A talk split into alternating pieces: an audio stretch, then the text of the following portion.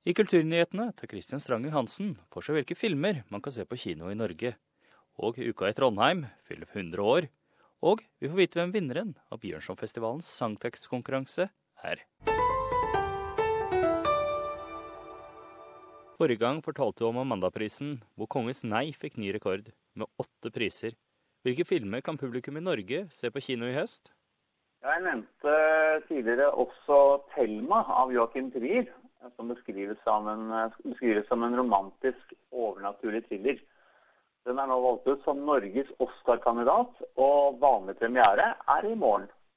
En uh, film jeg er nysgjerrig på, er 'Askeladden' i Dovregubbens hall, som kommer 29.9.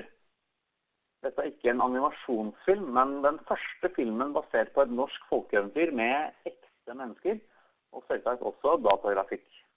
Historien er tradisjonell, og her må Askeladden redde prinsessen fra et troll som har kidnappet henne. Jeg har sett traileren, og den ser veldig bra ut. I oktober kommer filmen 'Hva vil folk si?', som tar for seg kulturforskjeller mellom det pakistanske og det norske samfunnet. 16 år gamle Nisha vil leve som norsk ungdom flest, men det er lite populært når faren oppdager at hun har fått kjæreste. En av de filmene som er knyttet størst forventninger til i øst, er 'Snømannen', eller 'The Snowman', basert på krimromanen til Jo Nesve.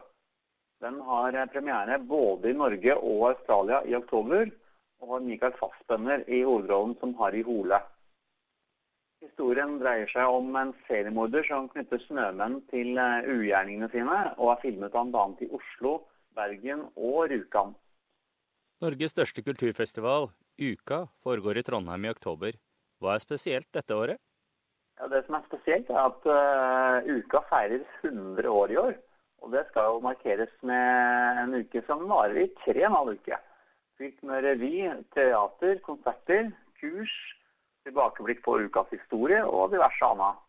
Uka ble starta i 1917 som et tiltak for å samle inn penger til Studentersamfunnet i Trondheim, og har utviklet seg fra en studentrevy til å bli Norges største kulturfestival, hvor også verdensberømte artister opptrer. Av tidligere navn så kan jeg nevne a-ha, Jay-Z eh, og Muse. Den er blitt arrangert annethvert år, unntatt i 1941 og 43, og har i hvert fall de siste årene gått med stort overskudd.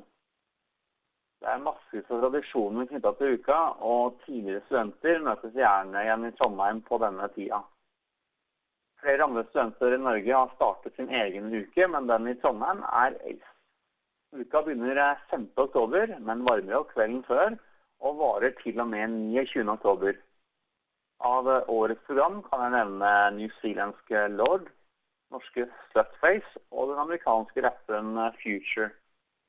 Likevel så er det ukerevyen som fortsatt er den som kjernen i uka, og den er gjerne en blanding av sang, dans, noen slauspark til tiden vi lever i, og diverse sketsjer. Og fredag ble Norges beste sangtekst etter 1945 kåret under Bjørnsonfestivalen i Molde. Hvilken tekst vant? Jeg drømte at Vår Herre var en pode med reven brok og skrubbsår på hver legg.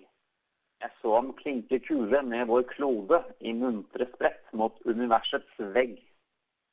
Slik starter Vår Herres klinkekule, skrevet av musiker og programleder Erik Bye i 1974, som altså ble stemt frem av det norske folk som Norges beste sangtekst. Sønnen til Erik Bye, Ola Bye, sa følgende til Dagbladet. Han var ydmyk overfor slike ting, så denne prisen ville han ha satt stor pris på. Det er litt artig å se at en slik klassiker vinner foran mange nyere tekster. Nummer to på lista var 'To fulle menn' av Joachim Nielsen. Det er en artig og fangbar tekst, men den har jo ikke den samme dypere meningen i seg som vinneren.